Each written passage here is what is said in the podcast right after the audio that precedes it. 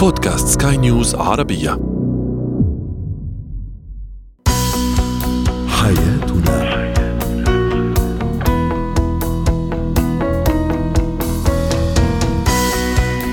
مستمعينا الكرام أهلا بكم معنا إلى حياتنا. فضاؤكم اليومي الذي يعنى بشؤون الأسرة وباقي الشؤون الحياتية الأخرى والذي يمكنكم الاستماع إليه عبر منصة سكاي نيوز عربيه dot com slash podcast وباقي منصات سكاي نيوز العربية الأخرى. شاركونا عبر رقم الواتساب 00971 561 88 62 23 معي أنا آمال شابة. اليوم نتحدث عن مرض الشريك.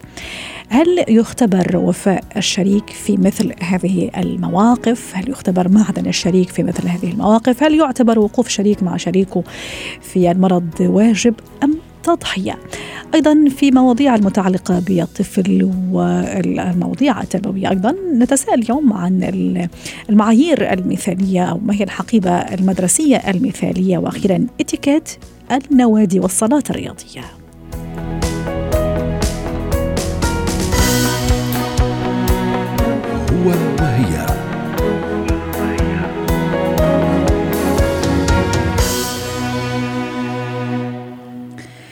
لا شك أن المرض الشريك عندما يتسلل إلى البيت يقلب أو يقلب العائلة والأسرة راسا على عقب.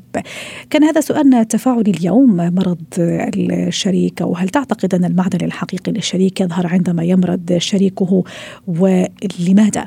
للحديث عن هذا الموضوع رحبوا معي بريما بجاني الاختصاصية النفسية والأسرية ضيفتنا العزيزة من بيروت يسعد أوقاتك دكتورة ريما.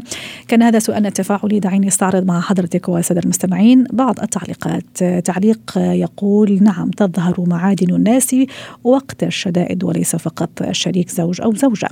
أيضا تعليق يقول أكيد يظهر في المرض وفي الأوقات الصعبة. وأيضا تعليق آخر تقريبا في نفس الخانة يصب تظهر في الأزمات معادن الناس جميعا وليس الشريك فقط. وأيضا تعليق يقول أحمد نعم. يعني يؤيد هذه الفكرة. دكتورة ريما أكيد مثل ما أشرنا في البداية المرض خاصة المرض المزمن ولا حتى المرض صعب يعني الله يعافينا جميعا لما يدخل البيت أكيد ستتغير أمور كثيرة. وقوف الشريك إلى جانب شريكه في المرض وفي الأوقات الصعبة والمرض اليوم تحديدا هل هو واجب؟ هل هو تضحية؟ أول شيء مرحبا للجميع. يا أهلا وسهلا. نحن عم نستعرض المستمعين وشو كتبوا على مواقع التواصل الاجتماعي. عم نفكر إذا لازم أقول تضحية أو واجب أنا ولا تضحية ولا واجب. م-م. أنا بقول اليوم اسس العلاقة الزوجية والشراكة اللي على طول بنتشاركها سوا وإذا نحكي سوا على التليفون على الراديو. بنحكي شو يعني الاسس ومن ضمنها وقت حدا من الأشخاص يوقع بمرض يصيبه مرض مزمن أو إعاقة معينة يعني اسمحي لي. أنا في عندي شخص معروفة عالميا انقطشت إيدها هي وبعد مش متزوجة ورجعت تزوجت وعندها أولاد وعايشة حياتها. سو نحن اليوم وقت نحكي عن هذا الموضوع اسمحي لي أتخطى لأنه أكيد تضحية أنا ما بحبها. خلينا نكون واضحين من الأول. حياه الزوجية ما فيها تضحية. حياه الزوجية فيها مشاركة. حياه الزوجية فيها الوقوف إلى جنب الآخر. وهون أكيد مثل ما قالوا المستمعين فيها المعدن الشخصية extra صحيح بس من أي بعد عم نشوفها؟ من بعد الالتزام والاحترام لهذا الشخص. رائع. هم أكيد بغض النظر إذا اليوم حدا انسحب لأنه هون كمان عندي مثل ما عندنا example منيح كان example عادل آه امرأة اصابها ال cancer زوجها تخلى عنها وطلقها. هيدا عنا أكيد بينا شخصيته لهذا الإنسان وكيف قادر هو بالأزمات يكون عم يتصرف. مش هيك أنا اليوم اسمحي لي شيل تضحية اسمحي لي شيل واجب لأنه اثنيناتهم فيهم نوع من الإلزامية. الإلزامية مش الجاية من الشخص. الزاميه إذا بدك جاية من محل معين الكونسبت إذا بدك المفا... المفاهيم اللي عنا هي مش غلط بالعكس بس أنا بدي أتخطاها حتى. بدي يكون إنسان واعي أحترم شريكي وعبالي يكون معه وهون بدي أكمل بغض النظر شو الظروف اللي عم يقطع فيها. رائع. وفقط أنا بدي أفتح قوس يعني هذا التساؤل يعني هو أحنا ما تبنيناه إذا كان تضحية أو واجب يعني هي مجرد تساؤلات وتخمينات مثل ما يفكروا كثير من الناس. هناك من يعتقد إنه واجب باعتبار أنا زوجته أو هو زوجي فمن واجبي أني أكفي معاه شو ما كانت الظروف. وفي بعض الناس تعتقد لا أنه تضحية. أنا مش ملزم ولا هي مش ملزمة أيضا لكن يعني هي تضحية. فقط حتى وجب التنويه إنه إحنا ما عم نتبنى هذا هذه الأسئلة يعني. دكتورة ريما أيضا حضرتك أشرت إلى شيء كثير مهم اللي هو أنا كيف أشوف العلاقة أنا لما دخلت لهذه العلاقة أيضا. كيف آه، كيف عم فكر فيها أيضا؟ آه، إذا مرض الشريك دكتورة ريما أكيد زي ما تفضلتي وأشرنا في البداية الأمر منه هين يعني في مسؤوليات راح تزيد في أشياء كثيرة في معطيات جديدة راح تزيد في دكتور في أدوية في أشياء مادية في أولاد أيضا عم يتربوا في بيئة مش البيئة اللي تعودوا عليها أيضا. عن أي ظروف نحن نحكيها وعن أي أيضا شخصية لازم تكون عنده أو عندها هذا أو الزوجه اللي آه الآن دخل في معترك آخر واخذته الحياة لمسار آخر اللي هو مرض الشريك. صحيح. اسمحي لي أنطلق من آخر فكرة كنا عم نقولها سوا تنكون كمان أنا عم ضوي أكثر عن نقطة. وتنقول تضحيه أو واجب يعني اليوم نحن عم عم نحمل عبء. وهون أنا يلي ما بحبه لأنه بحس الإنسان هو يا مجبور إنه هذا واجب يعمله أو تضحية لأنه كمان مجبور وقت يكون عم بيضحي. يعني أنا لو ما بدي بس مجبور. صح وفي ناس ممكن حدا تفكر في المجتمع شو راح يقول علي المجتمع شو راح تقول عائلتي شو راح تقول عائلته الأولاد أيضا شو راح يكون موقفهم. ففي فعلا معطيات وفاك فاكتور يعني كثار آه، تدخل في هذا في هذا القضية يعني. وشو بتسبب له للإنسان يلي عم يعملهم؟ عم يكون لو عم بيقوم فيهم وهو يمكن رح نقول مرتاح إلى حد ما ورح نحكي رح جاوبك على سؤالك بس عم بيكون عم بحس بهذا العبء بطريقة غير مباشرة. نحن اليوم وقت نكون دقيقين باستعمال العبارات ووقت أكون دقيقة بالفعل اللي عم بعمله أنا هذا فعل أنا عم بدي أعمله لأنه عبالي أعمله يكون موجود كوني أكيد تكون عم بعملها بطريقة إيجابية ومرتاح. هون بوصل وعلى فكرة ورح توصلوا للشريك أيضا دكتورة ريمان معلش سامحيني يعني هذا الشعور إني عم أعمله بطيب خاطر وبحب وأنا ماني مجبورة زي ما تفضلتي ولا هو تضحية نعم. ولا فأكيد رح توصل للشريك وممكن هذا رح يكون عامل كبير ليساعده على تخطي أزمته المرضية وهذا اللي كنت رح اوصل له. سبقتك زي العادة. صحيح صحيح. وهذا أهمية تبادل الأفكار بيناتنا. صحيح. so voilà so وقتها يعملها بهيدي طيبة خاطر فينا نستعمل هيدي الكلمة. الشريك رح يحس إنه عم يعملها بطريقة إيجابية وعن جد رح تكون عم بتساعده. كمان خليني ارجع لك لل cancer. نحن ال cancer بنقول إنه بيزيد ما بدي أقول يمكن 20 30% من التفاعل الإيجابي للعلاج وتنكون عم إيجابيين نحن بالتعاطي مع المرض وخاصة إذا الأشخاص اللي حوالينا كيف إذا كان شريك. فإذا اولا وقت نكون عم نتصرف بهذه الطريقة الرجل أو امرأة أو يمكن الرجل زياده أو الامرأة إذا تحمل أعباء المنزل يعني اليوم عندنا كثير مواضيع كنا نفتحها إن كان الرجل صار اذا الزوجه هي اللي مرضت صار مضطر يحمل أعباء العائله بمعنى إنه هو بده يمكن ينتبه على الأولاد على دراستهم على أمورهم اليومية. أو الزوجة إذا بتحمل أعباء الأمور العائلية يعني المدخول اكسترا اليوم هي بحد ذاتها إذا بدك تحدي جديد. صح. اليوم قد إيه الإنسان حاضر هو ذهنيا وعم بيتفاعل مع الموضوع بطريقة إيجابية. أنا اليوم حاضر قوم هيدا باللعبة. أه، مش هينه صراحة. نحن اليوم عم نحكي عن شيء يمكن بطريقة هيك مبسطة وسريعة بس هو موضوع عم يقلب حياة أشخاص. صح. ومثل ما قلت حضرتك عم نحكي عن مو... أمراض يمكن مزمنة أو مستعصية أو صعبة. مش إنه مرض يومين ثلاثة جمعة جمعتين ومشي الحال. صحيح. عشان هيك إذا بدك الإيجابية هي أهم شيء بهذا الموضوع. وكون حاضر بشخصيته و... وعباله إذا صح. نعتبرها هيدي يكون يكون عم بيقوم بهذا الواجب دكتورة ريما رح أطرح أنا فكرة ومرة أخرى رح أقول إنه ما عم نتبناها يعني من هذا المنبر نعم. من منبر نعم. سكاي نيوز عربية ولا أنا عم أتبناها أيضا كمؤدة ومقدمة هذا هذا البرنامج في مجالس مثلا تسمعي إنه مثلا المرض عفوا الزوج إذا مرضت زوجته ما كثير يصبر ما كثير يطول باله لأنه زي ما تفضلتي في أعباء كثيرة الأولاد البيت طبخهم أكلهم متابعة أمورهم وما إلى ذلك بالإضافة لعمله أيضا. فما راح كثير يضاين ما راح كثير يصبر. ممكن الحل عنده إنه يتزوج أو يبدأ حياة موازية. آه، ممكن أحيانا ينطلق وعكس المرأة لا بالعكس إذا إذا مرض الزوج إذا تعب الزوج راح تصبر حفاظا على بيتها على أسرتها وما إلى ذلك. أنا مره أخرى ما عم أتبنى.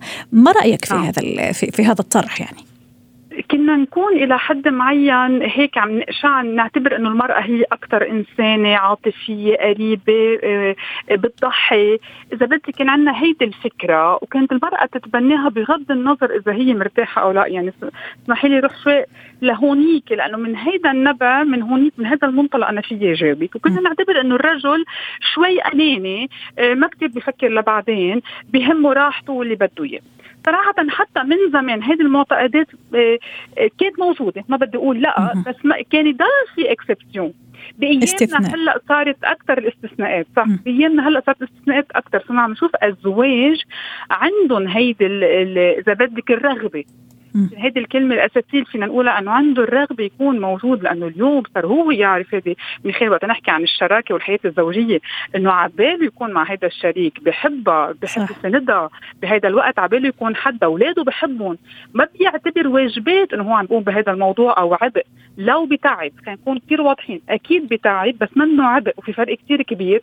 سو هو عباله يكون عم بيقوم يكون حاضر بحياة عائلته آه، وياخذ إذا بدك الدور اللي كانت تقوم فيه زوجته. وأكيد يتساعد هون ما عم نقول لأ بيكون في مساعدة بس لأ. صراحة أكيد في ناس كانت ماشية بهذا المعتقد بس صراحة هالايام صرنا عم نشوف لا. صح فعلا صرنا نشوفها في محيطنا أصدقائنا عائلتنا فعلا حتى في السوشيال ميديا زي ما تفضلتي يعني رجل أعطى آه، أمثلة جميلة عن الوفاء وعن صبره أيضا على زوجته. دكتور ريما بدي أتشكرك يعني كثير اسعدتيني اليوم بهذه المشاركة كالعادة. دائما إضافة قيمة في برنامجنا. يعطيك العافية وأتمنى لك يوم سعيد.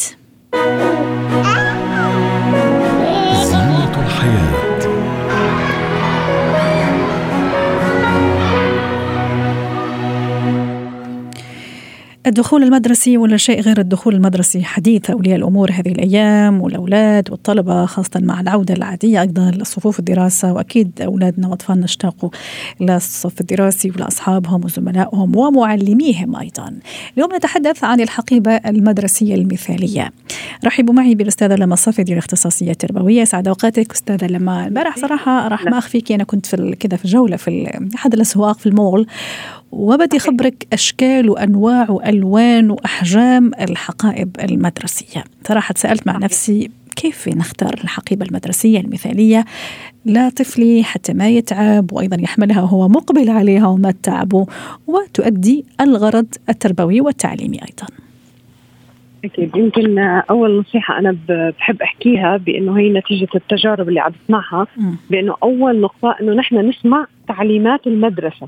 لأنه كثير من الأهل بيتورطوا وبيشتروا وبعدين المدرسة بترفض. فيعني هاي نصيحة عملية للأهل بأنه أولا خذوا أنتم رأي المدرسة بالموضوع لأنه خلينا نحكي أولا من ناحية الأمان. صح. كثير من المدارس رفضت الحقائب اللي فيها عجلات خوفا على سلامة الطلاب إذا كان في حضور مدرسي وفي باصات وإلى ما هنالك. صح فكثير من الأهل ممكن بداية بيتورطوا بالموضوع وبروحوا بإنه أنا بدي راحة ابني فالحقيبة اللي فيها دواليب هي بتكون أكثر لسلامه ظهره وبتمنع الثقل عنه ولكن اولا بناخذ شروط المدرسة بالدرجة الأولى. الشرط الثاني بإنه نشارك الطفل بالاختيار. م. المدرسة هي حدث غير تقليدي بحياة الأطفال. خصوصا لما بيكونوا بأوائل المراحل. صح. أو حتى مراهقين. لأنه أنت بتعرفي بأنه لما يصير هو يير 7 8 9 الموضوع بيعني له وكأنه هي بتصير جزء من شخصيته. مم. لأنه هو بينتمي إلى مجتمع أمام الآخرين.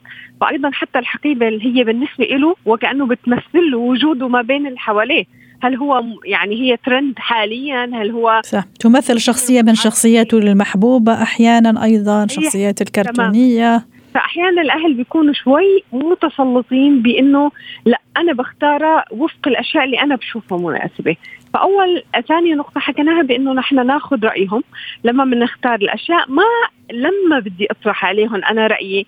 أخذنا الحقيبة الأقلام إلى ما هناك. دائما نقول ماما أنا بقترح عليك. شوف الكلمة كيف بيكون مشان ردة الفعل تكون مقابل إلها.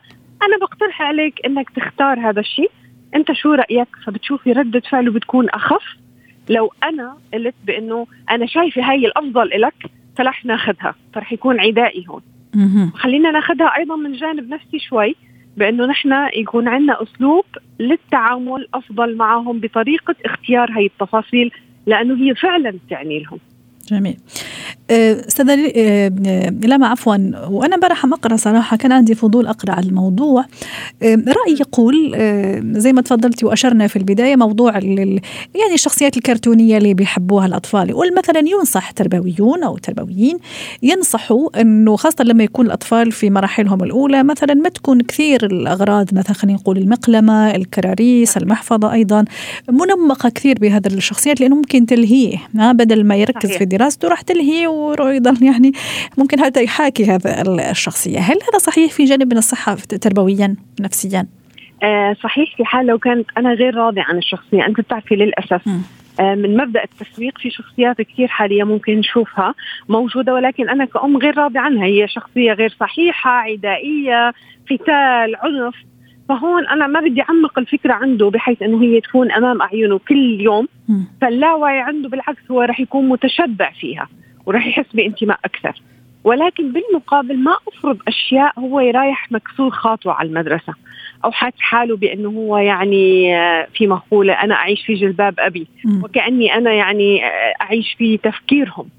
فيعني تكون الحلول وسطية ما بين هو اللي بحبه وما بين لو أنا شفت فعلا هي الشخصية جدا سيئة تأثيرها سيء عليه أفكار وهمية هو مقتنع فيها فأنا هون بتدخل ولكن دائما بتدخل بالجملة اللي هي ممكن تقنعه. أنا بقترح عليك بإنه كذا كذا كذا أنت شو رأيك؟ هون بنشوف بإنه هو رح يفكر. حس بالاحترام حس بالتقدير حس بإنه أنا إلي رأي بالموضوع ودائما في فكرة جدا كمان ذكية بإنه ما بطلب منه رأي مباشر. الطفل اندفاعي وعفوي. دائما بقول له شو رأيك؟ فكر وجاوبني بعدين. أو بكرة لما يعني نروح المول أو الجمعية نختار فأنت يومها رح تخبرني. فكره إني أعطيه مدى ليفكر؟ لأنه بأغلب الأحيان لو قلت له شو رأيك رح يقول لا بدي إياها. صح. هو مندفع طفل. الشخصيه بالنسبة له بتعني له. جميل. هي كمان من الأفكار الذكية إنه نحن ما ناخذ منه قرار بنفس الوقت. واستاذه لما أكيد لازم نأخذ بعين الاعتبار حجم هذه الحقيبة لازم يكون يعني صحيح. يعني متناسب عفوا راحت لي الكلمة متناسب مع وزن الطالب يعني ينصح بأن لا يتجاوز وزن الحقيبة نسبة 15% من وزن الطالب حتى ما تعمل له مشاكل في الظهر في العمود صحيح. الفقري في الاكتاف وحتى أيضا يكون مرتاح هو أكيد هذا الموضوع جدا مهم واصلا هو المفروض مناقشته لو أنا كان مثلا حاسة بأنه المدرسة زادت الحمل بكمية الكتب مع حقيبة كبيرة وفعلا صار يأثر حتى على العمود الفقري عند طفلي حملانها لوقت طويل في مسافة طويلة ما بين الباص والسيارة وصولا إلى المكان المقصود. فهون آه بنصح كثير من الأمهات والآباء بأنه أنتم ما تكتفوا بالصمت تتدخلوا مع إدارة المدرسة لي يعني إعطاء رأيكم بالموضوع وأحيانا فعلا يعني هي بتجارب واقعية بأنه المدارس تتعاون. في في خيارات بأنه كثير من الكتب بتضل بالمدرسة الطفل بياخذ معه فقط أشياء بسيطة إلى البيت. حجم الحقيبة لابد ويتناسب مع أيضا حجم الطفل. يعني أنا صح. ما يكون عندي طفل ضعيف البنية وأنا أروح أختار له مثلا حقيبة تكون جدا كبيرة فبالتالي هو أصلا أصلا محرج بشكله. صح. يعني شكله شكله غلط. جدا مهم. وضروري أيضا ست لما آه، يعني ننبه الطفل وكثير ضروري ونشوفه كثير من أطفالنا يعني بيحمل الحقيبة فقط على كتف واحد خاصة مثلا زي ما تفضلتي شوية لما يبلشوا يكبروا سبع ثمان سنوات خلاص وكأنه يعني صار يعني ممكن يحمل هالحقيبة على كتف واحد. فهذه أيضا تسبب له آه، مشاكل في في الظهر زي ما أشرنا والعمود الفقري. صحيح هي ملاحظة أيضا جميلة فعلا وحقيقية. بأنه مثل ما حكينا فترة المراهقة بيكون هو حاس حاله. دائما بده يسوي أشياء غير تقليدية أشياء مختلفة عن الآخرين. فهون إلى أي مدى نحن حديثنا عن كل مرحلة مع أولادنا؟ إلى أي مدى هذا مهم؟ كثير من الأهل بيغفلوا أحيانا إنه يتناقشوا مع اولادنا عن فكرة إلى أي مدى أنت راضي عن شكلك؟ إلى أي مدى أنت حاسس؟ نحن بنلاحظ أحيانا الأطفال اللي عندهم شوي بدانة زيادة بالوزن بيستخدموا الحقيبة ليخفوا المناطق اللي عندهم فيها وزن مثل البطن. فأنا هي بلاحظها بشوف كثير من الفتيات دائما الحقيبة بيسووها بطريقة بانه هي تلتصق هذا مهم. الأماكن. مم. أي فهون كمان هي نقطة مهمة. لو انت شفتي بنتك فعلا عم ترفضيها بهالطريقة فبالتالي لابد أنك تعطيها أهمية لأنه هي عندها مشكلة بالموضوع. واضح. يعني تخيلي إنه هي فكرة حقيبة مدرسية ولكن هي ممكن تكون مؤشر لشخصية طفلنا معاناة وكل ما يصدر عن أولادنا هي رسائل. شكرا لك أستاذة لما الصفدي سعدتينا اليوم بهذه المشاركة. ضيفتنا العزيزة من دبي. إتيكيت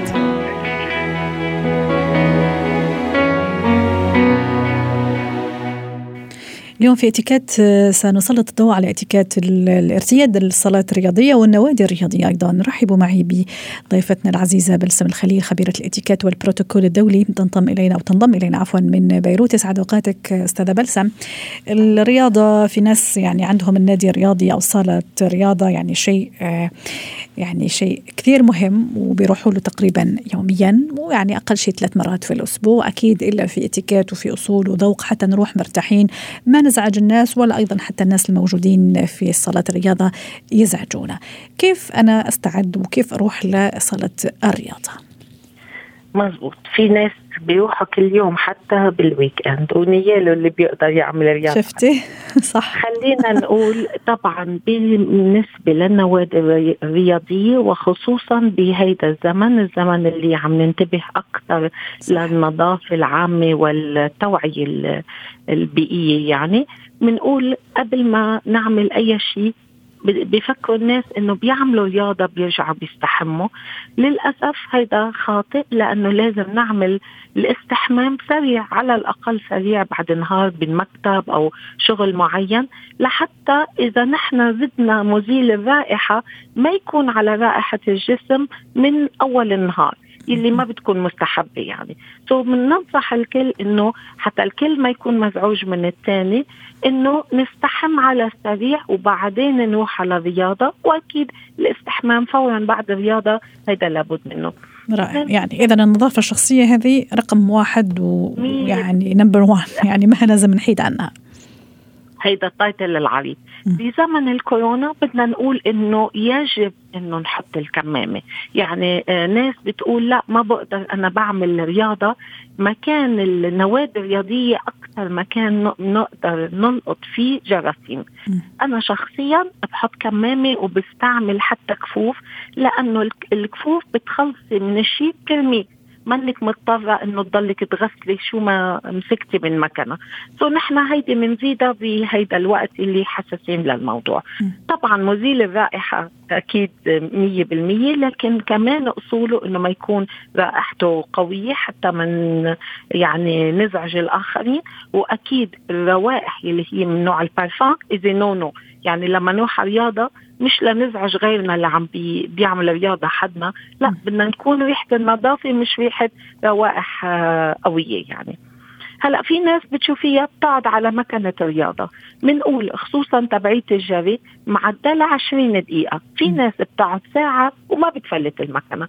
بدنا نعرف إذا منا مكانتنا الخاصة هيدي بابليك يعني بابليك عام يعني يجب الكل إنه يستعملها. ما نحتكر مكنة معينة ونترك غيرنا منه قادر. يعني هون بدنا نقول اللطف والذوق بده يكون كتير كتير أساسي بنادي رياضي إنه مش ملكنا. إذا عامل اشتراك مش معناتها إنه ملكك. وبعدين أكيد لما نحن عم نعمل رياضة في لباس معين للرياضة ومنقول هون الاحتشام حتى لو اللباس رياضي بس الاحتشام ضروري كمان لأنه ما بدنا نزعج الناظر إلينا م. يعني نحن بنشوف ناس بتلبس أشياء لتلفت النظر صحيح. بتصير الناس آه، مزعوجة من وجوده أو عم تطلع وبعدين بلموه إنه ليش في تحديق بقى حتى وعلى سيرة لفت النظر أيضا أستاذة بلسم سامحيني أيضا راح أروح لنقطة أيضا يعني ممكن تتكرر كثير. مع في الحالة يعني ممكن أكثر مع بعض السيدات أو الفتيات اللي هي التصوير والتليفون يعني المفروض الهدف من الرياضة أنه نروح نعمل رياضة نركز على هذا الساعة حتى فعلا نقوم بالرياضة. لكن ممكن في البعض ممكن يصور ممكن يعمل فيديو ممكن تواصل اجتماعي. فهذه أيضا تصير شوية مزعجة سواء خاصة للناس يعني في النهاية هم ما جايين يتصوروا جايين يعملوا رياضة. مية بالمية. النادي الرياضي عام. يعني كل شيء آه لازم الكل يكونوا آه على سوا. ما شيء خاص فينا ما لازم نعمله. التصوير مثله مثل موسم الصيف هلأ في سباحة. م. ما بنصور بنطلع عشر أشخاص ورانا عم آه يعني موجودين بمكان شاطئ عام. نفس الشيء بالنادي الرياضي. يمكن في ناس بتكون ما بتحب تطلع بهالزي واصلا ما لنا حق إنه نصورهم تماما. كثير مهم إنه نحن نفوت بأدب نكون راحتنا نظيفة نكون لابسين اللباس نتصرف بطريقة معينة. وهون بدي زيد على قصة التصوير. الموبايل بحد ذاته ما مفروض يكون صح. معنا. انه في ناس تشوفيها وهي عم تح تعمل رياضة ممكن زي ما تفضلتي على جهاز المشي عم تحكي في التليفون ممكن بدها تمرق وقت. بس مش عارفة إنه عم تعمل إزعاج للآخرين. طبعا لأنه الصوت والحديث خصوصا إذا ما حاطين ميوزك يعني صح. ما مسكرين الصوت. وزائد إنه أنت هيدا المكان فيه تركيز. عندك أنت مثلا 40 دقيقة نحن بنقول النادي الرياضي ال1 hour هيدي الساعة ال maximum لكن معدله 40 ل 45 دقيقة للتمرين. مش للزيارة الاجتماعية. صح وزي ما تفضلتي التركيز الرياضة هو هي تركيز. وحتى نختم أيضا آخر مظهر ممكن نشوفوه شوية مزعج موضوع ال jewelry وال accessories مثلا تشوفيها مثلا السيدة أو فتاة يعني ما عندها مشكلة تنزل زي ما جت من العمل ممكن حتى بمكياج بكذا يعني طلة معينة بتروح بنفس الشكل أو بنفس ال look إذا بدك. حتى نختفي عشر ثواني. البساطة الترتيب والنظافة عنوان النادي الرياضي مع أخذ بعين الاعتبار الموجودين يعني الذوق والأدب باختصار. شكرا لك سيدة بلسم الخليل خبيرة الإتيكيت والبروتوكول الدولي ضيفتنا العزيزة من بيروت ويومك سعيد. حياتنا.